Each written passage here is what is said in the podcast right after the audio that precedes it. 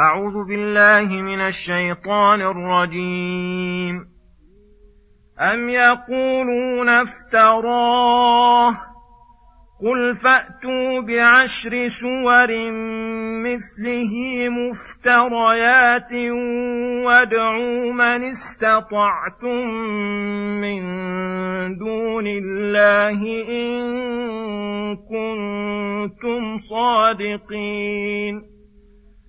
فإن لم يستجيبوا لكم فاعلموا أنما أنزل بعلم الله وأن لا إله إلا هو فهل أنتم مسلمون من كان يريد الحياة الدنيا وزينتها نوف إليهم أعمالهم نوف إليهم أعمالهم فيها وهم فيها لا يبخسون اولئك الذين ليس لهم في الاخره الا النار وحبط ما صنعوا فيها وباطل ما كانوا يعملون افمن كان على بينه من ربه ويتلوه شاهد منه ومن قبله كتاب موسى اماما ورحمه اولئك يؤمنون به ومن يكفر به من الاحزاب فالنار موعده فلا تك في مريه منه انه الحق من ربك ولكن أكثر الناس لا يؤمنون. بسم الله الرحمن الرحيم السلام عليكم ورحمة الله وبركاته.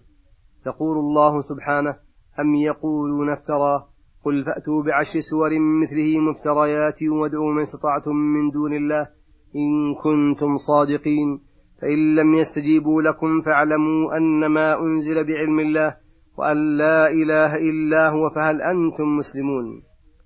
أم يقولون افتراه إفترى محمد هذا القرآن فأجابهم بقوله قل لهم فأتوا بعشر سور مثله مفتريات وادعوا من استطعتم من دون الله إن كنتم صادقين.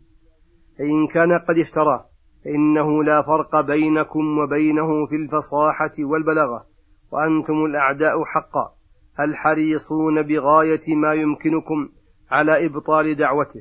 فإن كنتم صادقين فأتوا بعشر سور مثله مفتريات. فإن لم يستجيبوا لكم على شيء من ذلكم فاعلموا أن ما أنزل بعلم الله من عند الله لقيام الدليل والمقتضى وانتفاء المعارض وأن لا إله إلا هو أي واعلموا أنه لا إله إلا هو أي هو المستحق للألوهية والعبادة. فهل أنتم مسلمون؟ أي منقادون لالوهيته مستسلمون لعبوديته؟ وفي هذه الآيات إرشاد إلى أنه لا ينبغي للداعي إلى الله أن يصده إعراض المعترضين ولا قدح القادحين خصوصا إذا كان القدح لا مستند له ولا يقدح فيما دعا إليه وأنه لا يضيق, لا يضيق صدره بل يطمئن بذلك ماضيا على أمره مقبلا على شأنه وأنه لا يجب إجابة اقتراحات المقترحين للأدلة التي يختارونها بل يكفي إقامة الدليل السالم عن المعارض على جميع المسائل والمطالب وفيها أن هذا القرآن معجزة بنفسه لا يقدر أحد من البشر أن يأتي بمثله ولا بعشر سور مثله بل ولا سورة من مثله لأن الأعداء البلغاء الفصحاء تحداهم الله بذلك فلم يعارضوه لعلمهم أنهم لا قدرة فيهم على ذلك. وفيها أن مما يطلب فيه العلم ولا يكفي غلبة الظن علم القرآن وعلم التوحيد لقوله تعالى فاعلموا أنما أنزل بعلم الله وأن لا إله إلا هو. ثم يقول سبحانه من كان يريد الحياة الدنيا وزينتها نوف إليهم أعمالهم فيها وهم فيها لا يبخسون. أولئك الذين ليس لهم في الآخرة إلا النار وحبط ما صنعوا فيها وباطل ما كانوا يعملون. يقول تعالى من كان يريد الحياة الدنيا وزينتها أي كل إرادته مقصورة على الحياة الدنيا وعلى زينتها من النساء والبنين والقناطير المقنطرة من الذهب والفضة والخيل المسومة والأنعام والحرث قد صرف رغبته وسعيه وعمله في هذه الأشياء ولم يجعل دار القرار من إرادته شيئا. فهذا لا يكون إلا كافرا لأنه لو كان مؤمنا لكان ما معه من الإيمان يمنعه أن تكون جميع إرادته للدار الدنيا. بل نفس إيمانه وما تيسر له من الأعمال أثر من آثار إرادته الدار الآخرة. ولكن هذا الشقي الذي كأنه خلق للدنيا وحدها نوفي إليهم أعمالهم فيها أي نعطيهم ما قسم لهم في أم الكتاب من ثواب الدنيا وهم فيها لا يبخسون أي لا ينقصون شيئا مما قدر لهم. ولكن هذا منتهى نعيمهم. أولئك الذين ليس لهم في الآخرة إلا النار خالدين فيها أبدا. لا يفتر عنهم العذاب فقد حرموا جزيل الثواب. وحبط ما صنعوا فيها أي في الدنيا أي بطل واضمحل ما عملوه مما يكيدون به الحق وأهله. وما عملوه من أعمال الخير التي لا أساس لها ولا وجود لشرطها وهو الإيمان. ثم يقول سبحانه أفمن كان على بينة من ربه ويتلوه شاهد منه ومن قبله كتاب موسى إماما ورحمة أولئك يؤمنون به ومن يكفر به من الأحزاب فالنار موعده فلا تك في مرية منه إنه الحق من ربك ولكن أكثر الناس لا يؤمنون. يذكر تعالى حال رسوله محمد صلى الله عليه وسلم.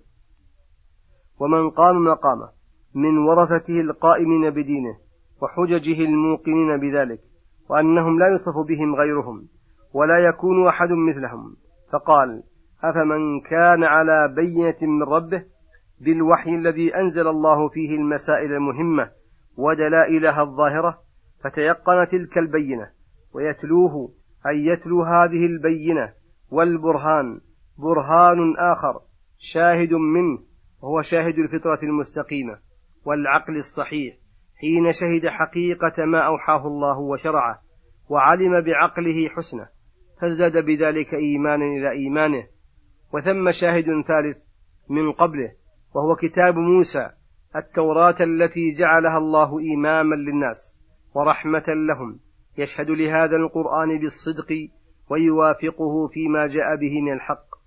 أي أفمن كان بهذا الوصف؟ قد تواردت عليه شواهد الإيمان. وقامت لديه أدلة اليقين. كمن هو في الظلمات والجهالات؟